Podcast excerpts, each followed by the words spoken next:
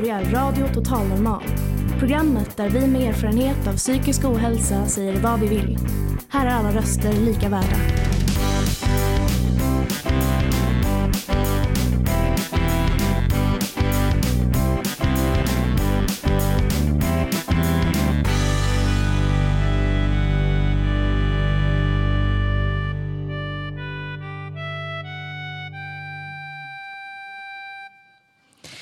Hej och hjärtligt välkomna till Radio Total Normal, ditt psyke i etern. Så vanligt hittar du oss på 101,1 MHz i Stockholms närradio. Idag sänder vi från matsalen på Fountain House och framför mig har jag en härlig publik. Julen närmar sig med stormsteg och 2023 går mot sitt slut. Det här är också vårt sista program för i år. Sen kommer vi åter med nya krafter i januari. I dagens program har vi bjudit in en julexpert som ska svara på allt vi vill veta om julen och dess traditioner. Han heter Jonas Engman och jobbar som intendent på avdelningen kulturhistoria på Nordiska museet. Vi är även de fläckfria här. Bandet från gatan som har gästat oss tidigare. Idag ska de sjunga sin alldeles egna jullåt bland annat. Vi ska få en presentation av en Bix bok om hemlöshet i Stockholm genom historien. Förutom allt detta har vi själva satt ihop en julkör som sjunger julsånger mellan inslagen.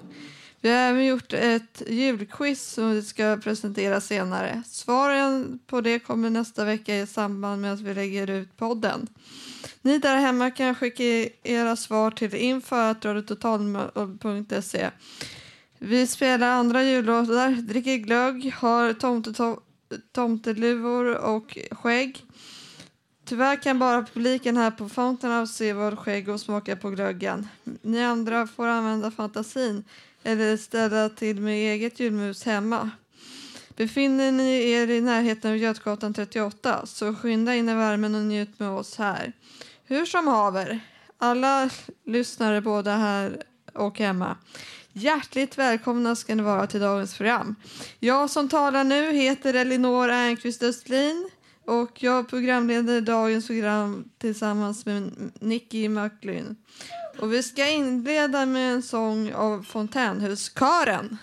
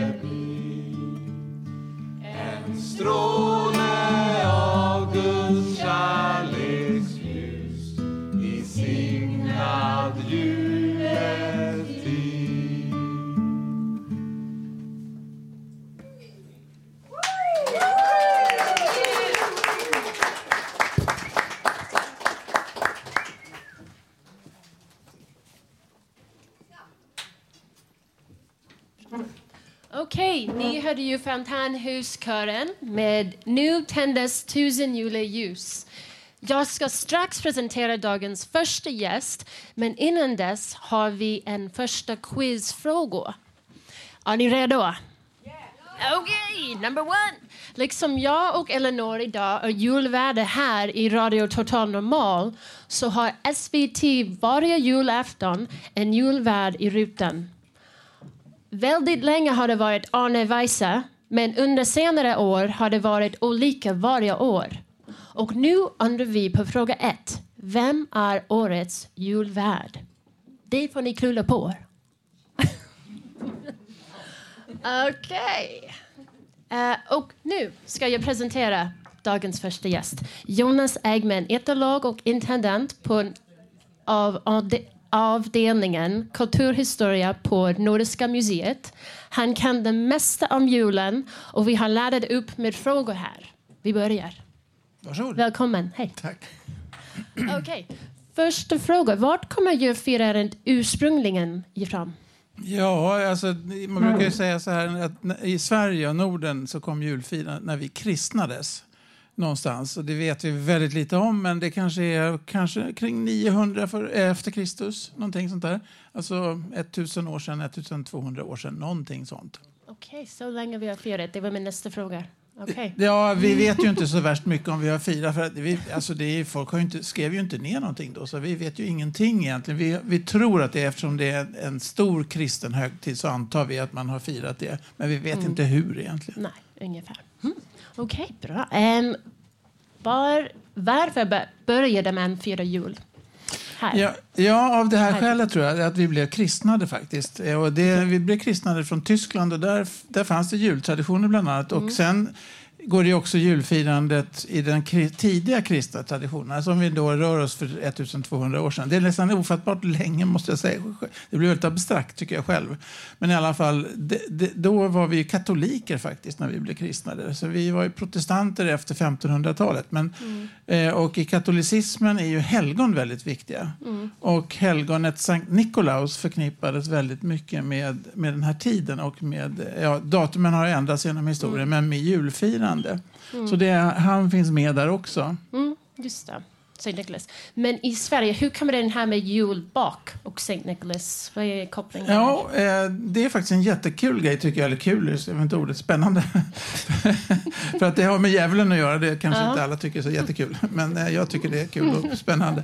Eh, nej, men det var just i, om vi tittar på en ska jag säga, europeisk nordtysk tradition. Så när man firar jul där, så det kanske någon av er känner till, den 6 december är, ett mycket, det är mycket större, men det är ett stort datum. Eh, eh, och det är då man, på många håll i Europa eller i Holland och tys, delar av Tyskland, så då, då barnen får julklappar faktiskt. Inte den 24 december eller 25 som det är i Storbritannien och sådär. Men, eh, och den 6 december är viktig därför att i, i, under medeltiden, och jag tror fortfarande faktiskt, så kunde man då i sådana, det kallas mysteriespel, alltså såna här när man får se helgonet komma fram på scen, förstås inte det riktiga helgonet då, men eh, komma fram på scen. Och, eh, och Sankt Nikolaus i, enligt legenden, alltså berättelsen om honom, han var ju givmild och vänlig, snäll och tyckte om barn. Eh, så att han var det goda så här personifierat. Och på de här mysteriespelen i Tyskland så kunde man då få se den, denne Sankt Nikolaus komma in på scen med en getabock som han hade i ett band eller ett rep. Och denna getabock kan man ju då lista ut vad det var för en. Ja, det var ju djävulen själv faktiskt. Ja, så att ehm, då, eh, det var ju så, helt enkelt så att meddelandet här då till publiken och till oss det är att den gode Sankt Nikolaus godheten tämjer ondskan, djävulen. Och sen kan man ju också bara lägga till att i den svensk folktradition så har vi ju försökt undvika att säga ordet djävulen för då tänkte man sig att då kommer djävulen till en liksom och ställer till det. Och då har man istället satt bocken, getabocken, alltså går tillbaka på bocken. Så bocken är djävulen. Så att när vi har den här lilla, har ni någon sån här kanske? Den här lilla halmbocken under julgranen. Ja, ni har ingen julgran här vad jag kan säga. Nej, men då är det faktiskt djävulen själv som man sätter under granen. Det kan man alltid tänka på. Just det. Och nu tände ni upp det och brände den, eller hur? Här i Sverige. Ja, i alla fall i Gävle. Ja, inte överallt, men i Gävle. Ja. Ja. Det är världsberömt läste jag idag också. Ja, okej. Är det någon annan, till exempel om vi pratar om Tyskland och mycket som har kommit från där, någon annan slags vi har tagit till Sverige som traditioner? Det mesta. Det mesta. Nej, lite förenklat, men väldigt mycket. Vi har ju haft vi blev ju kristnade från Tyskland ja. till att börja med. Och sen så förde vi krig i Tyskland på 1600-talet eh, med Gustav II Adolf. Eh, och då var det, eh, eh, anställdes många legoknektar i Tyskland som följde med till Sverige där under och efter kriget. Och då hade de med sig, och soldaterna och generalerna, adeln, tog med sig väldigt mycket av traditioner från Tyskland. Och det här är nästan en, en giveaway, höll jag på att säga. Men faktiskt julgranen kom ju från Tyskland den här vägen. Troligtvis i alla fall. Mm. Eh, och då kom den till adeln, alltså de högre stånden i samhället. Och sen julkalendern till exempel. Mm. In, inte tv nödvändigtvis, men att ha en kalender som man öppnar, det kommer också från Tyskland. Men det är mycket senare, det kommer kanske till Sverige kring ja, 1900, 1910 eller någonting sånt där. Mm. Eh, och den kom, någon kom på den i Tyskland enligt de, det vi vet i alla fall på 1870-talet. Men det är ett, och julstjärna har ni i alla fall, det kom också från Tyskland. Mm. Ja, eh, eh, och de såg ut ungefär så där faktiskt. Och kom också på slutet av 1800-talet till, mm. till Sverige. Okay. Och så vidare och så vidare. Det är ja, många. Men julklapp, ett gava julklapp? Ja, det, det kommer nog från eh, eller, alltså, ja, alltså vi... För det första så ska man tänka på vårt eh, bondesamhälle, det förindustriella samhället. Alltså när i stort sett varenda... Jag, Ursäkta, jag får bara dra upp den här lite grann. Det går bra. Det var inte min nacke som gnällde där. Det var faktiskt den här. Eh, nej, men alltså, eh, det, när vi säger bondesamhälle så menar vi det, eh, det, det, samhälle som i stort sett varenda en levde i i Sverige och Norden före kanske 1920-30-talet. Alltså, på 1870-talet så levde, eller 1850 så levde ungefär 96-98 procent av befolkningen på landsbygden. Så städerna var små, sen växte de ju snabbt. Eh, och, eh, så, och vi måste fatta en sak med, med det samhället. Det var urfattigt. Det var ett av, och speciellt på 1800-talet så ansågs det vara ett av Europas absolut värsta länder att leva i. Mm. Ett fruktansvärt elände. Så tala om julmat och sådär, det är ju helt... Eh, nu tappar jag frågan för det här blev så intressant. Men, fortsätt, nej, men i alla fall. Nej, så att, det, så att det där med att vi tänker, ja men julskinka har vi ätit hur länge som helst. Nej, jag skulle inte tro det. Folk åt inte kött överhuvudtaget därför att man hade inte djur. Och hade man djur så slaktade man dem inte. Det är ju rena vansinnet. Alltså att, att göda ett djur och sen slå ihjäl det för att äta det och leva gott på en vecka. Sen dör man. Liksom. Det är inte någon... Utan här, vad, vad man åt, det var i stort sett eh, gröt. Mm. Och sen var det gröt och så var det gröt och så var det gröt och så var det gröt och gröt och gröt, gröt, gröt, gröt, gröt. Så kan man lätt. Och hade man möjlighet så kunde man fiska i havet där fisket, fisket var fritt. Men det hade ju långt ifrån alla. Man fick, in, fick inte ta eh, jaga. Det hade ju god, eh, jordägaren rätt till och så där. Så att det fanns inga möjligheter annat än att äta gröt. Och då ska man också tänka på gröt. Ska vi läsa eh, rågröt. Inte så gott tycker jag. Jag kommer ihåg det för jag var liten. Och dessutom utan salt, eftersom salt var en krydda och kryddor var väldigt exklusivt. Så det fanns inga kryddor, så vi åt bara gröt helt enkelt. Ja, alltså, ja, så var det. Men jag, jag undrar, kanske jag har fel, men är det någon koppling med tomte och gröt? Ja, det är det då förstås faktiskt. Är det? Ja, jag, kanske inte havregrynsgröt, eller förlåt mig, risgrynsgröt, för det är en lyx. Va? Ris importerar vi och det, det börjar vi få råd att köpa kanske på 1930-talet eller något sånt där. Men, eh, eh, nej, men det är så att eh, tomten, det är alltså inte jultomten jag pratar om nu. För det är ju jultomten Sankt Nikolaus. Det kommer ju mm. influenser från Tyskland, men framför allt faktiskt under 1900-talet från, eh, från USA. Eh, och sent 1800-tal. Men tomten vi pratar om nu, det är gårdstomten. Och det var, har ingenting att göra med jultomten. Det har fått det nu, men, men om vi går tillbaka 150-200 år hade det ingenting att göra med julen. Eller mycket lite. Och det, det var en, eh, en figur som det var bra att ha på gården. Men man var också lite skraj för honom. Eh, därför att han såg till att djuren sköttes. Man såg honom aldrig, men man kunde känna honom så. Man kunde få en madräng eller piga få en örfil. Och då visste man att då har jag inte skött djuren ordentligt. Och då var tomten där och smällde till den. Och det, och det var väldigt bra att ha en tomte på gården. Därför att han såg ju till att allting sköttes, och framförallt djuren. Och då ville man ha kvar tomten. Och då ställde man ut, om man hade möjlighet, lite överflöd, kunde man ställa ut gröt till tomten. Så han stannar kvar ett år till. han tyckte det här var ett bra ställe att vara på. Det finns en berättelse, en sägen om eh, en, en, en, en gård där man gjorde så. Att man, om man inte bara gav tomten gröt utan man gav honom fina kläder och, och sådär. Eh, så han kom då in på stallet på natten och så såg han den här högen av kläder så började han tog på sig och tyckte Oj, ja, men nu är jag jättefin, speglar sig i vattenpussarna där. Ja, men nu är jag så fin så jag drar iväg till nästa gård. Så man ska liksom inte överdriva. Va? och det är också en, en slags princip om lagomhet. Alltså man ska Ja. inte, det får inte vara för mycket. Nej. Ja, men jag tänker det var, är det någon i publik som har en frågor runt jul för julexpert? Det var en fråga.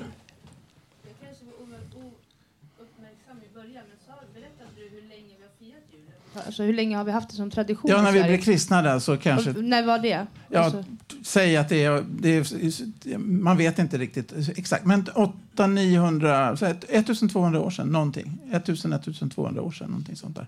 och det har alltid varit att man har delat ut gåvor på julen? Nej, det var just det, det var det vi tappade med julklapparna. Ja, tack. Det var jättebra. Nej, men om vi har delat ut julklappar, ja, gåvor, alltså presenter har vi inte gett. Men däremot så kommer ordet julklapp kommer faktiskt ifrån att i de bondbyarna eh, så sprang, oftast var det yngre som kutade omkring och bankade på dörren och eh, kunde slänga in en vedklabbe eller någon docka eller sådär på, på rent bus och det, på julen. Och det kallas julklapp faktiskt. Och sen så har det där utvecklats speciellt då i vår tid, alltså under 1900-talet, när vi har fått sånt överflöd och vi börjar köpa presenter och göra presenter. Då kallas det julklapp. Så att det, det finns alltså en, en, det är en sorts gåva faktiskt. Fast man gjorde det nog på rent jäkelskap också faktiskt. Det var en så- särskilt, ja. men, men i alla fall det är en gåva. Sådär. Det är också kopplat ihop med Sankt Nikolaus, givmild. Sådär. Och nu busar man istället.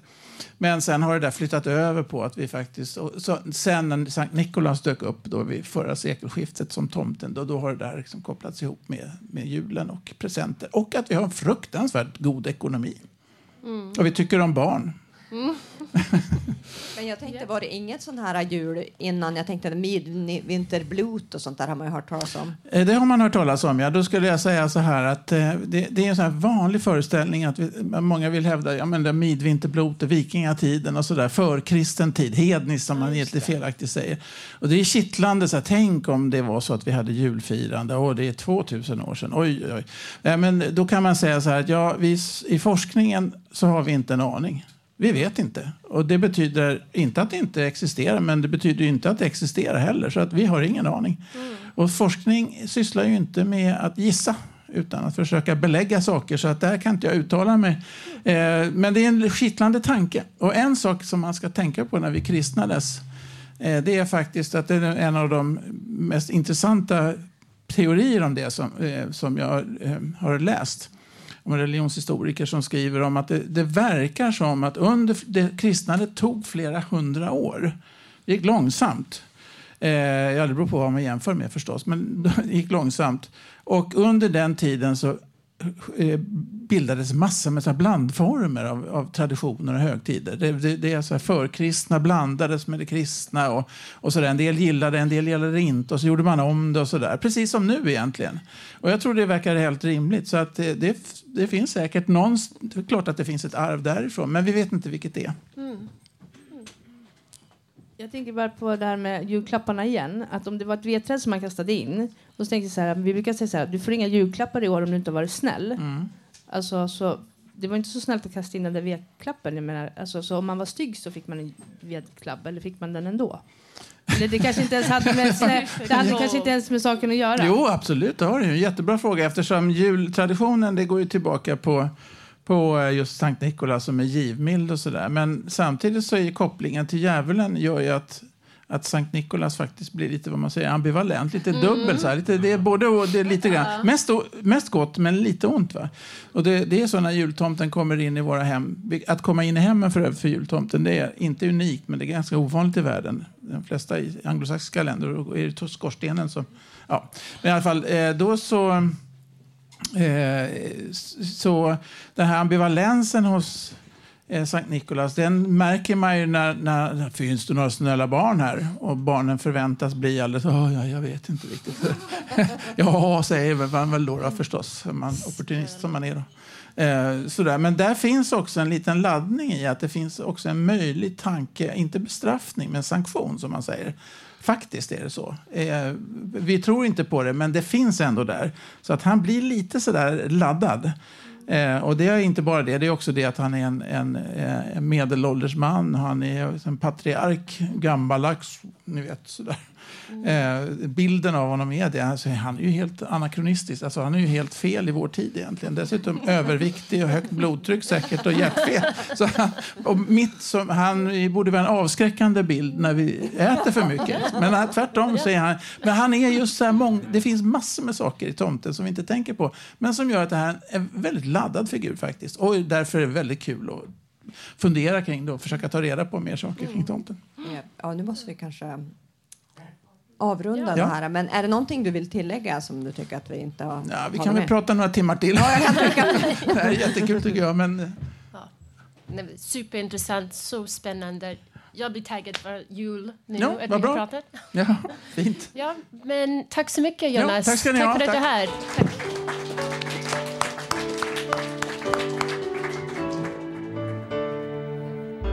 It was Christmas Eve, drunk tank.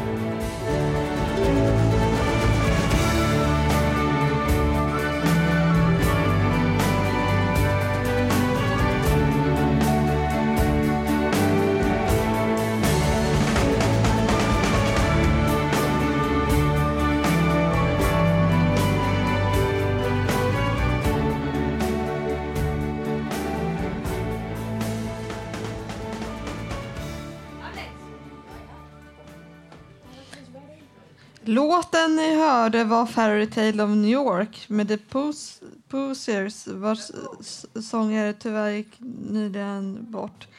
Ett, ett mycket fin och stämningsfull jullåt. Och det finns många fina jullåtar som kända artister satt sin prägel på och kända. Bland annat gjorde Bing Crosby en julsång väldigt känd. Vilken var den julsången undrar vi på fråga två. Bredvid mig på scenen har jag dagens andra gäster. Det är bandet De Fläckfria som varit här och sjungit för oss förut. Ni är lite olika många varje gång. Idag är det Fredrik, Tess och Alexandra. Vi ska strax prata närmare med er, men först ska ni få sjunga en alldeles egen jullåt. Varsågod! Men här är våra egna God jullåt som Gyllen har skrivit. Julen. Och den är också tillägnad våra vänner som inte lever längre. Ja.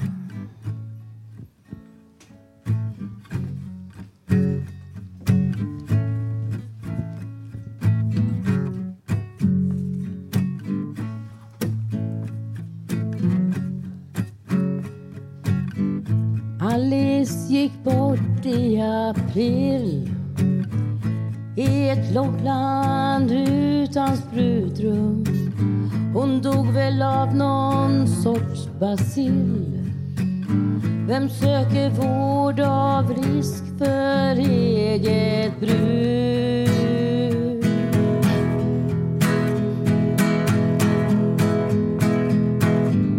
Dodo hittar dem på ett golv. Här får transor kvarta i gubbarnas rum. Psykoser och ditt liv blir som en boll. På studs mellan psyk och missbruk.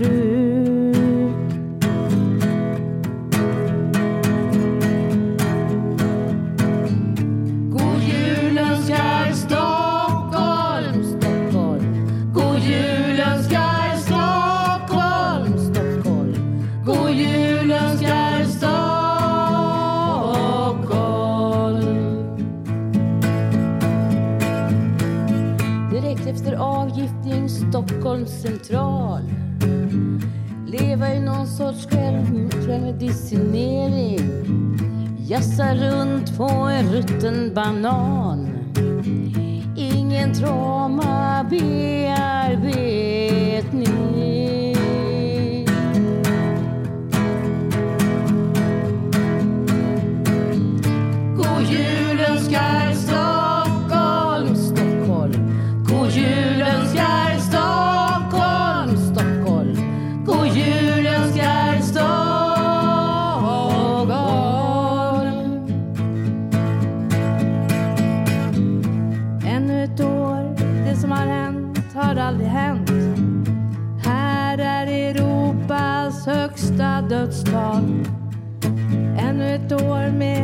Public Management.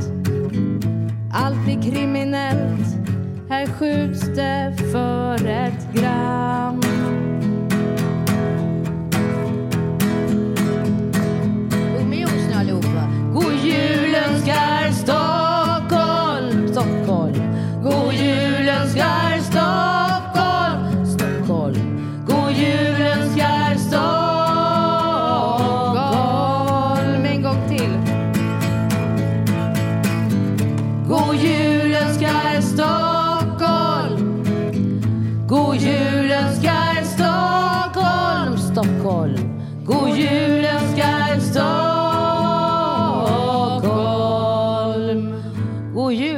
Och tack för hjälpen publiken. Tack, du var jätteduktiga.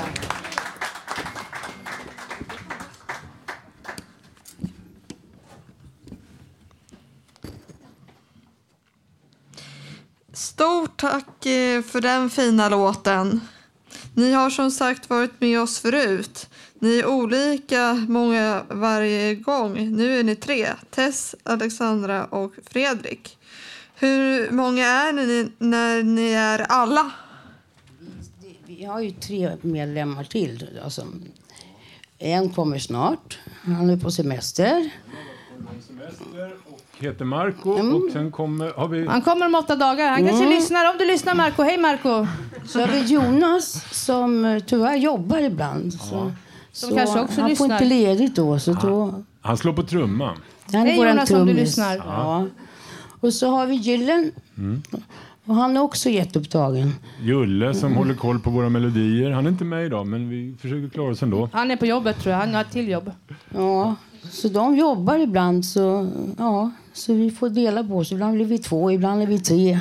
Och ibland vi- är det hela gänget. Och vi är öppna för förökning också om det kommer. Ja. Ja, Vi har varit vet fler och färre. Och kanske någon som vill spela triangel eller synt eller något. Vi vet inte. När rätt människa kommer så är vi öppna för att bli fler.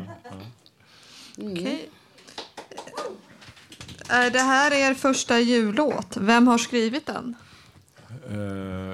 Ja, det här var väl en jullåt som vi ville göra om alla... Alltså det är människor runt oss som dör av eh, narkotika och överdoser och sådana saker. Det, var, och, och, och det, det är en låt, jullåt som handlar om att Sverige har en hemsk eh, hemlöshets och narkotikapolitik. Vi har Europas högsta dödstal narkotikarelaterad dödlighet, alltså per capita. Så, och det var ju, det, vi har en sjuk hemlöshetspolitik. Vi har den värsta hemlösheten i, i Skandinavien och vi har liksom Europas högsta dödstal narkotikadödlighet. Och det, om detta gjorde vi en julsång. För att vara helt korrekt så var det Fredrik som skrev texten och Julen som gjorde musiken. Men de är blygsamma, men så är det i alla fall. Så är det här. Ni, ni har även ett projekt där ni, låter, där ni har låtit gjort en pixbok om hemlöshet. Kan ni berätta lite mer om det projektet? Ja, Fredrik kan berätta mer om det tror jag. Ja, det är ju, eh, vi har ett fint samarbete med tidningen Socialpolitik. Och, eh, ehm, ett projekt med stöd från Arvsfonden som heter Förnya det sociala reportaget. Och det innehåller en massa olika delar, till exempel Radio Gatan och eh, redaktionen som hela tiden, som du är med i Elinor, och som skriver så mycket i socialpolitik. Men eh, en liten del av det hela är också någon slags opinionsbildning. Och då eh, gjorde vi en liten skrift om hemlöshetens historia i den här stan. Otroligt spännande. Var kan man köpa den?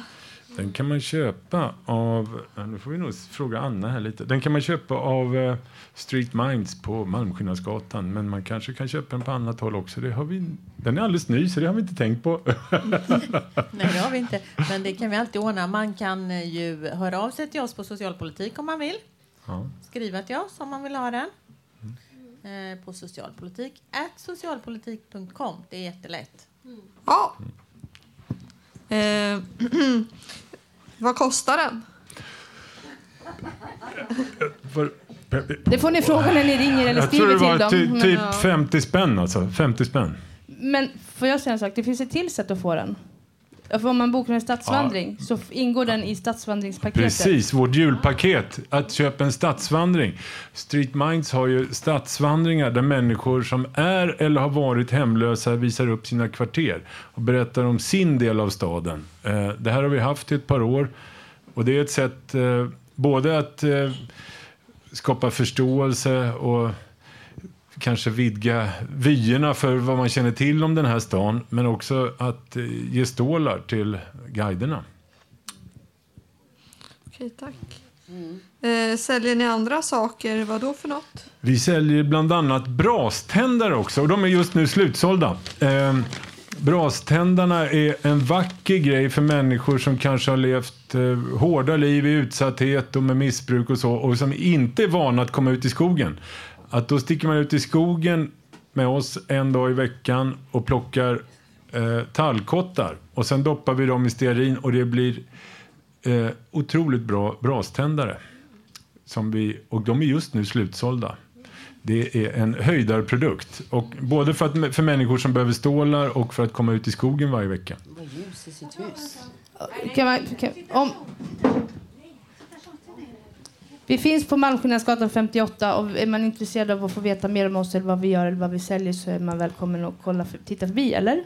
Precis. Malmskillnadsgatan 58. Vi säljer ju t-shirts också. Som människor har gjort och tryckt själva. Och kylskåpsmagneter och allt möjligt. Ja. Ja. Ni ska sjunga en till låt. Vad blir det för något? Ja, då blir det med anknytning till den här äh, lilla hemlöshetspixen. Det här är ju en bok om hemlöshetens historia genom 800 år. Det är inget nytt eh, fenomen det här med hemlöshet. Det, det kom hemlösa till Stockholm redan på medeltiden. Eh, och, och, och de har behandlats på olika sätt under olika regimer och olika århundraden. Om det handlar den här lilla boken. Men det blev faktiskt både en pixibok och en låt. Och låten heter Hänger på ryggen. Och, alltså, refrängen är tilldelad Hasse som har allt han äger på ryggen. Och han är hemlös i Stockholm idag och är en av våra stadsvandrare. Och den här refrängen är också jätteenkel att följa med och hänga med på. Så sjung med i refrängen om ni vill. Vi Alla sjunger den våra många låtar är gånger. jätteenkla, annars går det inte.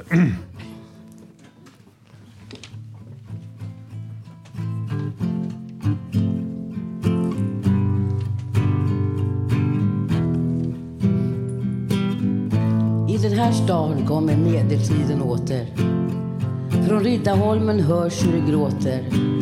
Kölens klostermuren för en bit bröd. Så var 1200-talets understöd.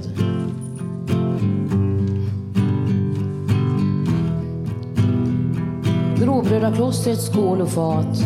Barfota munkar bjöd på rum och mat. Från staden och staten ingenting. Utan frivilliga ingenting.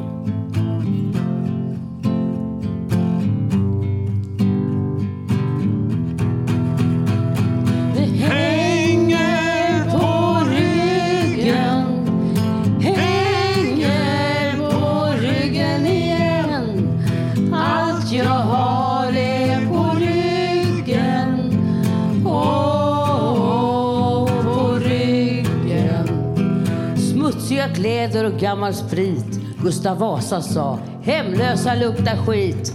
De bör huseras vid Danvikstull. När ingen ville pröjsa fick båtar lägga tull. Sen medeltiden har människor sökt logi Lämnat landsbygden för att bli fri. Olyckliga systrar och bröder I en storstad som bara blöder.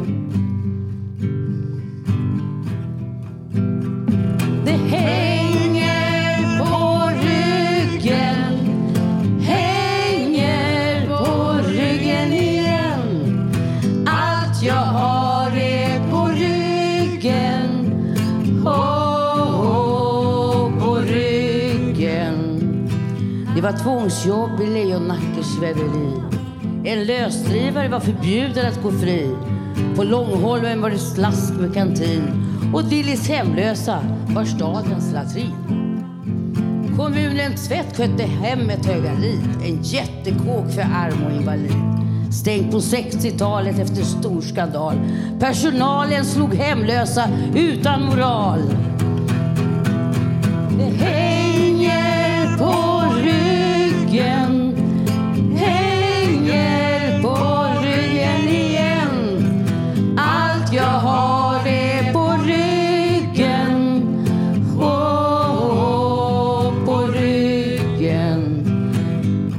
När jag välbeställd har välbeställda tvättat buk skänkte små korvören till gatans psyk Politiker kan strunta i hemlösa skri tack vare jävla filantropi.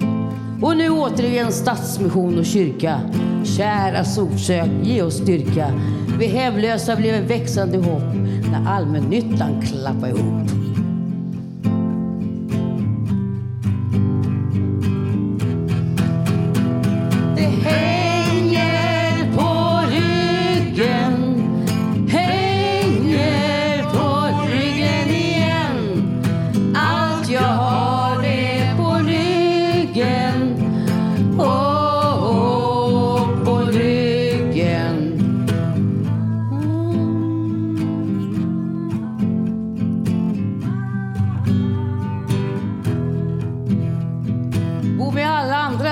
Blivit över Akutboende för dig som saknar klöver.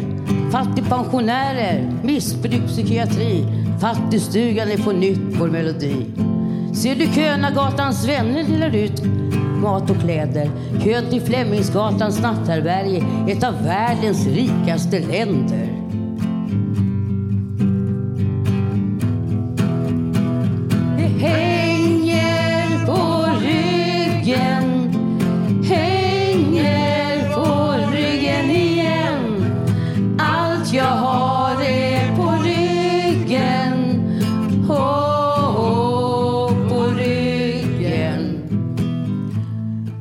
Vår kyrka hjälpt kvinnor i nöd sen medeltiden delat ut kläder och bröd med uppehåll under folkhemmets epok. Idag talar statistiken ett skitigt språk. Deras nivå sjunker här och blir mer och mer. De hemlösa i Sverige är dubbelt fler än i Norge, Danmark och Finland ihop. Åh, vi gräver en smutsig grop.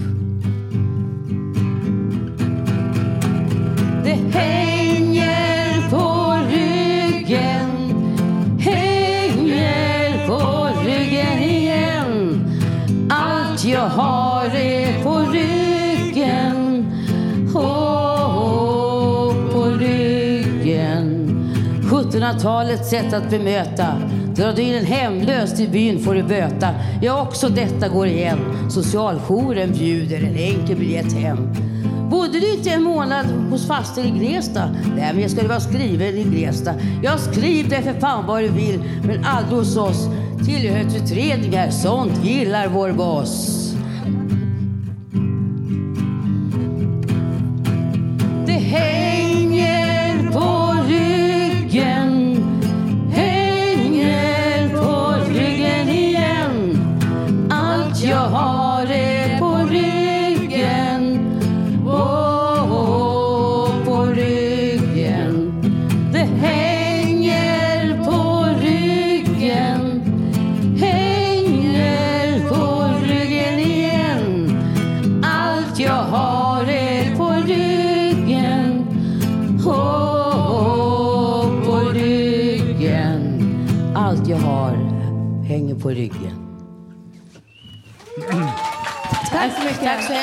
Mycket. Den har Fredrik skrivit den här. Det är Fredrik som har skrivit den här fina låten. Det är Fredrik och Julen som Tack så jättemycket, och de fläckfria. Tack, för att vi fick komma. här. God jul! God jul på er! Och tack till Elinor för alla bra frågor. Tack! ljus som glimrar vill jag ha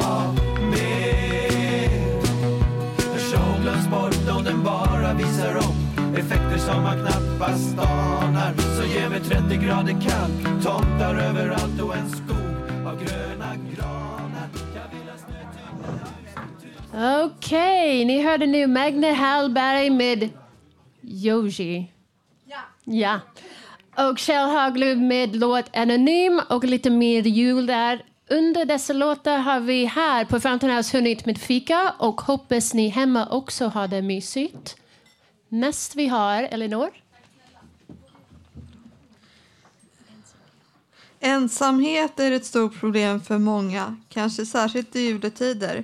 Min kollega Staffan har kollat upp lite statistik om ensamhet som du ska redogöra för oss här. Varsågod. Tackar. Vi behöver uppmärksamma ensamheten i vårt samhälle. Det kan finnas skäl till det, speciellt kring jul och nyår eftersom ensamheten kan bli särskilt påträngande vid högtider som förknippas med både värme och gemenskap. I Sverige är 40 procent ensamhushåll och det motsvarar ungefär 2 miljoner hushåll. Det finns ungefär 300 000 personer som känner sig ofrivilligt ensamma eller 4 procent av befolkningen. Och antalet ökar ytterligare med åldern. Bland de som är mer än 85 år känner sig 17 procent ensamma hela tiden eller för det mesta. Ensamhet har blivit ett samhällsproblem som påverkar livskvalitet och hälsa. Det är nära sammankopplat med högt blodtryck, sämre immunförsvar och sämre hälsobeteende såsom fysisk inaktivitet, rökning, sämre sömn och dålig kost. Ensamhetens hälsoskadliga effekter anses vara dubbelt så stora som fetma och lika stora som alkoholism eller att röka 15 cigaretter om dagen. En av de mest utsatta grupperna är psykiskt sjuka. En orsak är att psykisk ohälsa kan leda till social isolering och svårigheter att upprätthålla sociala relationer. Ensamheten för psykiskt sjuka är allvarlig eftersom det kan försämra både den psykiska och fysiska hälsan och dessutom ökar risken för självmord. Så vad kan du göra ifall du känner dig ensam nu i juletider? I Stockholm finns flera organisationer som arrangerar sociala möten kring julen. Flera församlingar i Svenska kyrkan bjuder in till julfirande under juldagarna. Till exempel Immanuelskyrkan, Centrumkyrkan i Farsta och Frälsningsarmén Templet på Östermalm anordnar julfirandet Jul i gemenskap och dit är alla välkomna.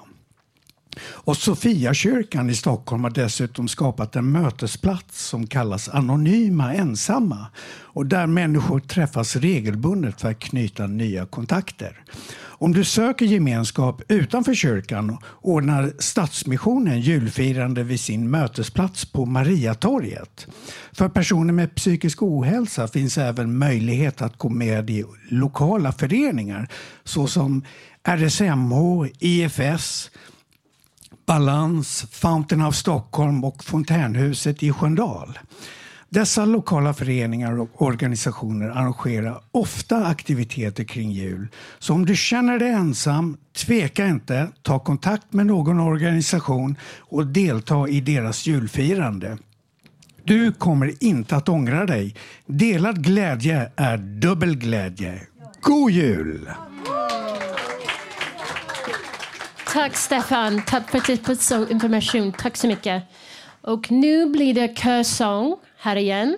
Och den här gången blir det Midnattsråder. Sjunger gärna med. Yes, sjung med här. Vi har kören med oss, vi har hela matsalen med oss och vi hoppas att vi har er i stugorna med oss. Nu kör vi.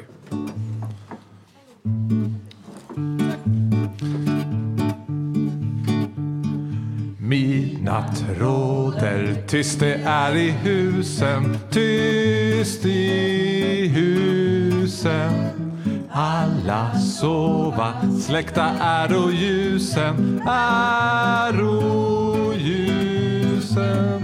Tipp, tapp, tipp, tapp, tippe, tippe, tipp, tapp, tipp, tipp, tapp. Se då krypa tomtar upp ur vrårna, upp ur vrårna. Lyssna, speja, trippa fram på tårna, fram på tårna. Tipp, tapp, tipp, tapp, tippe, tippe, tipp, tapp, tipp, tipp, tapp. Snälla folket, låtit maten rara, maten rara. Stå på bordet åt en tomteskara, tomteskara. Tipp-tapp, tipp-tapp, tippe-tippe, tipp-tapp, tipp,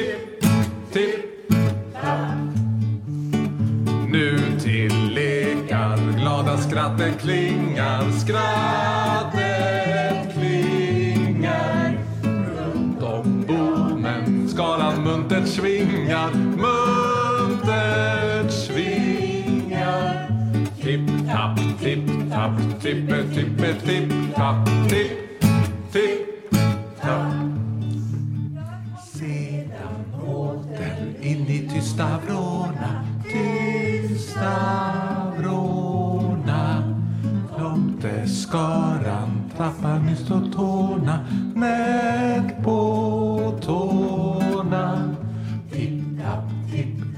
tipp-tapp, tippe-tippe, tipp-tapp, tipp, tipp-tapp.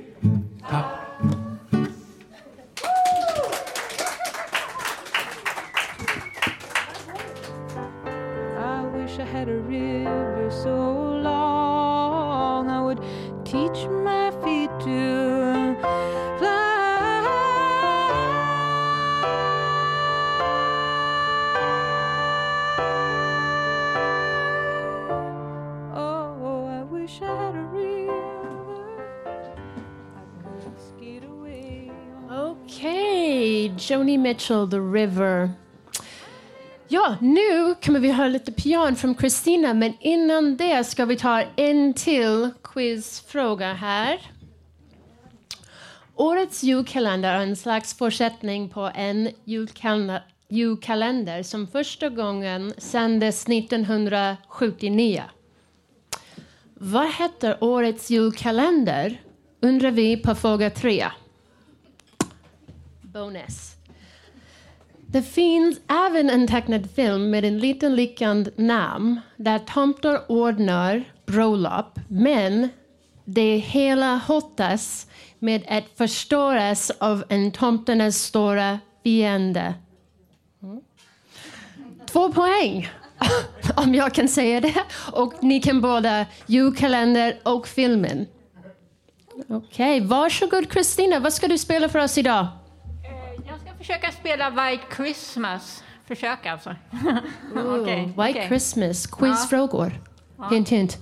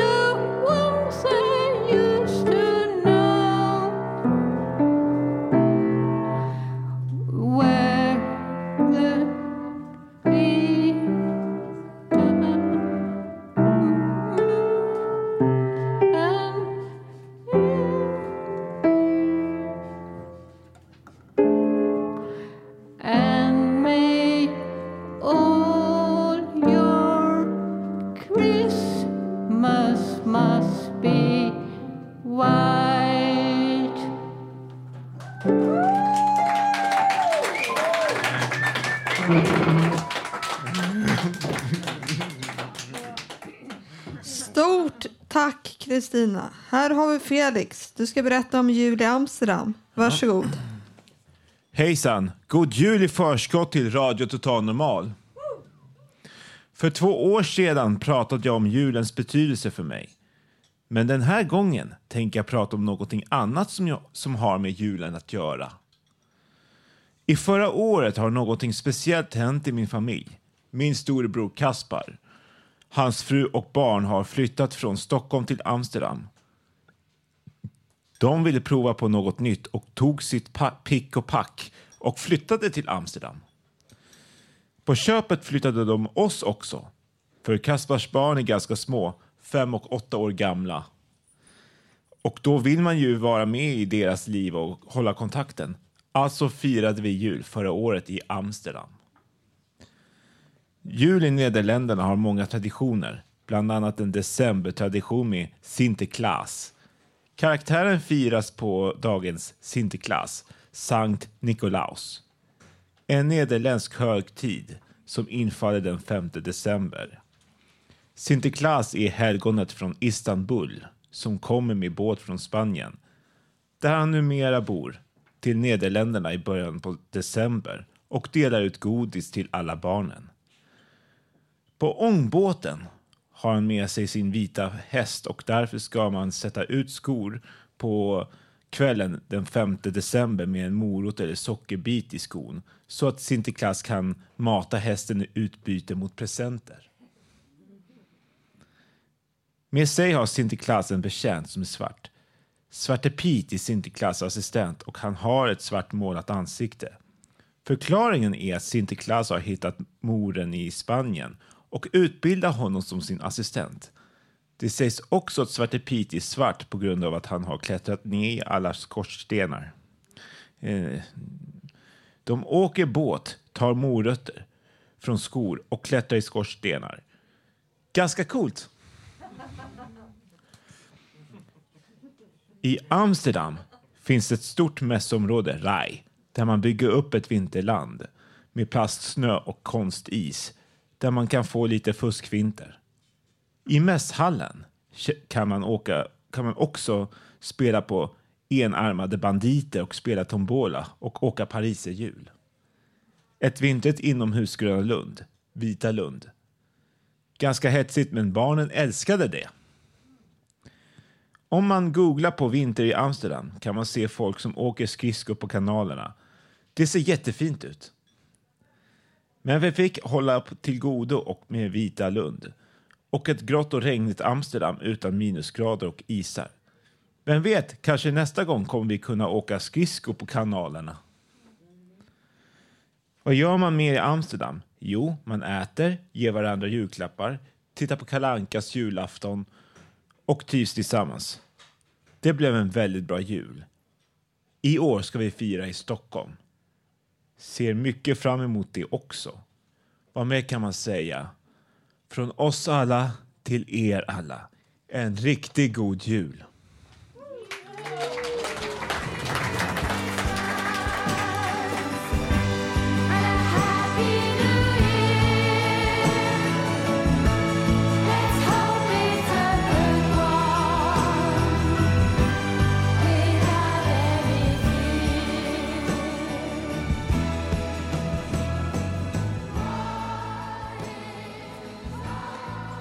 Nu har det blivit tid för lite tips på kultur ni kan passa på att se under juldagarna.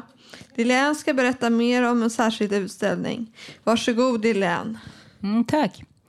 För en månad sedan så var jag på Valdemarsudde och såg utställningen med Ernst Josefsson. Utställningen pågår till 11 februari eh, nästa år så att du kan fortfarande ha, få en chans att se utställningen. Kanske någonting att kolla in så här i jul och nyårshelgerna. Eh, det var en gedigen samling verk som visades i kronologisk ordning. Ernst Josefsson han levde mellan 1851 och 1906. och fram till 1887 så reste han runt i Europa för att utveckla sitt måleri. Han var väldigt intresserad av de gamla mästarna som Rembrandt, Renoir och han målade väldigt mycket mörker, liksom de gamla klassikerna gjorde.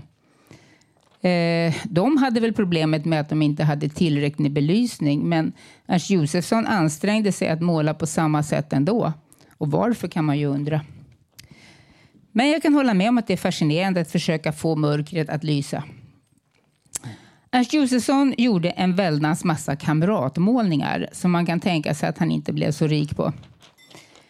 Eh, sen gjorde han tappra försök att kopiera de gamla mästarna. Och det var ganska nedslående att se originalet bredvid kopian. Det fattades liksom en hel del för att komma upp i deras nivå tyckte jag i alla fall. 1987 då började han intressera sig för det ockulta och deltog i seanser. Men här tog han psykiskt stryk och han blev psykotisk 1988.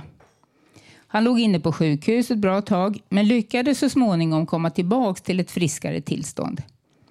Han fortsatte med måleriet men nu såg det helt annorlunda ut och äntligen blev det intressant i mitt tycke. Här får man för första gången se prov på hans kreativitet och inte bara på hantverket måleri. Nu börjar han uttrycka känslor med måleriet. Eh, kroppar fick ett spännande uttryck och bakgrunder förmedlade olika miljöer. Till skillnad mot allt avbildande som han ägnat sig åt tidigare. Några av de här nya intressanta verken heter Gåslisa, Näcken, ni kanske har sett dem till och med, Extatiska huvuden. Eh, Josefsson ägnade sig också åt automatisk skrift när han försökte få kontakt med de döda och liksom få, få budskapet från dem. Eh, Det fanns några exempel på det här i utställningen också. Eh, 1988, då han alltså var psykotisk, så skrev han en diktsamling som han kallade Svarta rosor. Och han är väldigt duktig poet verkligen. 1896 så skrev han ytterligare en diktsamling och då hette den Gula rosor. Ernst Josefsson var också musikaliskt välutbildad och han skrev flera fantastiska stycken varav några spelas upp i utställningslokalen. Självklart är det sorgligt att han blev psykotisk, men med risk för att låta banal så inget ont som inte har något gott med sig. Den senare delen av utställningen, alltså från och med att han blev psykotisk 1988, är helt klart den mest intressanta i mina ögon. Det är som att se två helt olika personligheter måla. Utställningen håller alltså på till 11 februari och det är på Valdemarsudde. Så ni har chans att se den igen. Jag rekommenderar att gå och titta på den. Tack. Du, tack för tipset Lilian. Tack. Och du ska stanna kvar på scenen Ja, och ge, det. ja, ge oss en riktig classic, classic juldänga. Okej? Yes. Med hjälp av Juldänga. Frida. det- Jag har aldrig hört den här låten kallas för. Men det, det är. Really? Yeah. det är lite Juldänga, nonchalant. Here we go. Okej, med hjälp av kära Frida på piano. Varsågod. Tackar.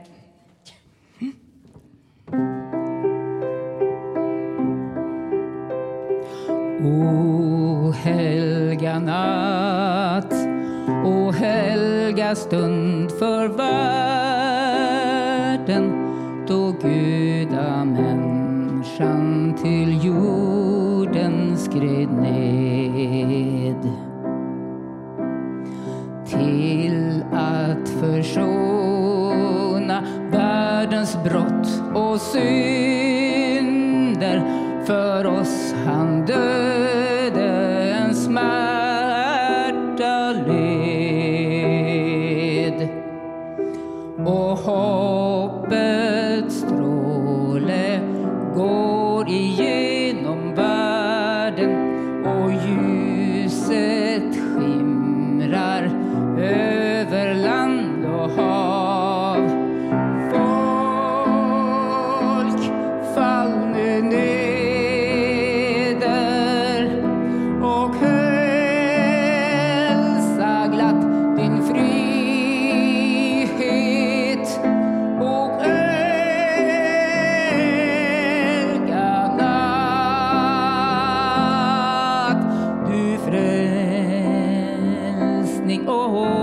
was gone.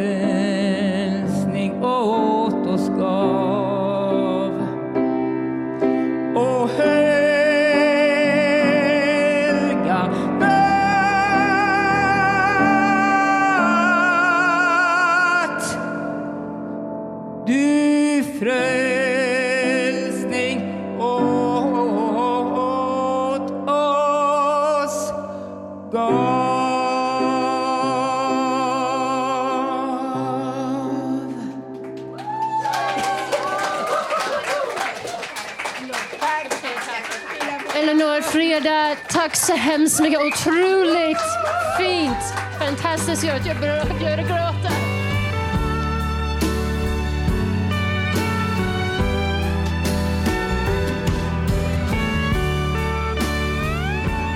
Okej, vi är tillbaka. Vi har en sist låt från Fontänhuskören. Ska sjunga igen. Men först, innan det, ska vi ta vårt fjärde julquiz. Frågor. Så var beredda. I fjol utnämndes den hemstickade pläkt till årets julklapp med motiveringen En orolig omvärld. Typ samma motivering gäller även i år. Den leder som följer. När händelser i omvärlden delar oss är årets julklapp något som samlas kring. Vad kan den vara? Varsågod att klura på den också. Okej. Redo. Här kommer Fountain House Kör med Stilla natt. Stilla natt,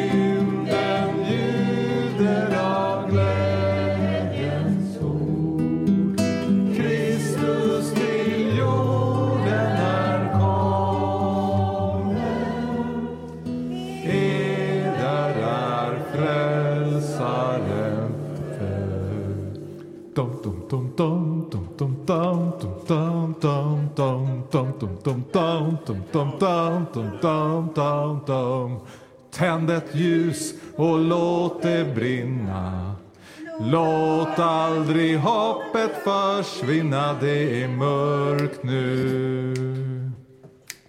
Men det blir ljusare igen. Tänd ett ljus för allt du tror på. För den här planeten vi bor på. Tänd ett ljus, dum, för jordens barn. Maria! Jag Det var en natt när alla sov. Jag tror jag önskade att du var nära. För en minut sen brann den En sekund sen försvann den. För det bara jag som såg på radion sjöng de om fred på jorden. Jag ville tro de slitna orden. Allihopa! Tänd ett ljus och låt det brinna. Låt aldrig hoppet försvinna. Det är mörkt nu. Men det blir ljusare igen.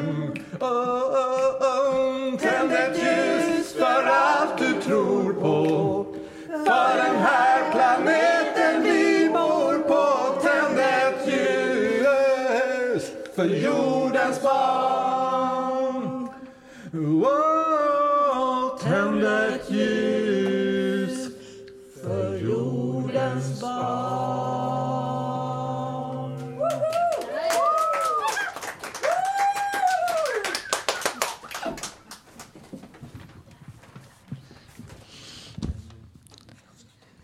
Stort tack till eh, Karen. Nu börjar programmet lite mot sitt slut, men innan ska vi avsluta ska vi ringa in det här julprogrammet In the style av självaste Kalankas julafton. Och det här hör även ihop med vår femte och sista fråga. Vi undrar vad skådespelaren som sjöng sången i Kalankas jul het, hette. Vilken sång var det får ni höra nu framförd av min kollega Peter. Varsågod.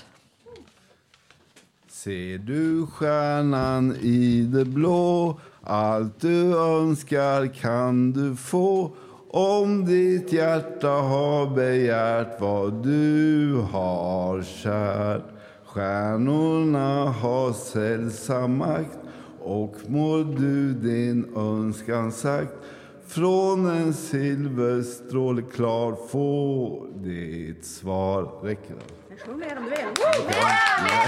Ja! Du kan Petter! Ödets fe kan vackra gåvor ge åt alla de som tror på himlens stjärnor. Binder du en önskekrans får du allt vad vackrast fanns när du möter aftonstjärnans klara glans. Fantastic! Petter, vår Jiminy Cricket, fantastic, som sjunger Du stjärna i det blå. Ser du stjärna i det blå? Fint. I Kalle Jankans jul sångs den av en syrsa. Mm. Vem spelade syrsan, undrar vi på fråga fem i vårt julquiz. Mm. Sista frågor. Se vad jag gör. Nu, är det, nu där hemma kan skicka era svar till oss på info at radiototalnormal.se och i mitten av nästa vecka kommer svaren. Och det var allt vi hade att bjuda på idag på vårt julprogram. Woo! Ja, tack alla som har lyssnat. Tusen tack till alla medverkande. De fläckfria som spelade så fina låtar. Jonas Engman, julexpert på Nordiska museet. Street Minds som gjorde Pixie Book om hemlöshet. Nu tar vi jullov. Vi kommer tillbaka igen slutet av januari så håll utkik på hemsida och sociala medier. Du kan alltid lyssna på oss via www.radiototaltnormal.se. Där finns alla våra program samlade. Du kan också lyssna på oss där poddar finns. Vill du vara med i programmet kan du höra av dig till info@radiototalnormal.se Eller varför inte komma till våra redaktionsmöten på måndag klockan 11 på Fountain House, Hjortgatan 38. Radio Total Normal drivs av mediehuset Fanzingo och med stöd från Socialstyrelsen, Fountain House Stockholm och ABF. Tekniker var Johan, I'm gonna say it right, Johan Hörnqvist. Woo! Producent Malin Jakobsson. Woo! Och vi som julvärdar idag, kära Eleanor och Nicky. Tack Eleanor! Tack, tack för att ni lyssnat och från oss alla er riktigt god jul! Merry Christmas, Happy Holidays! Feliz Navidad, hej då!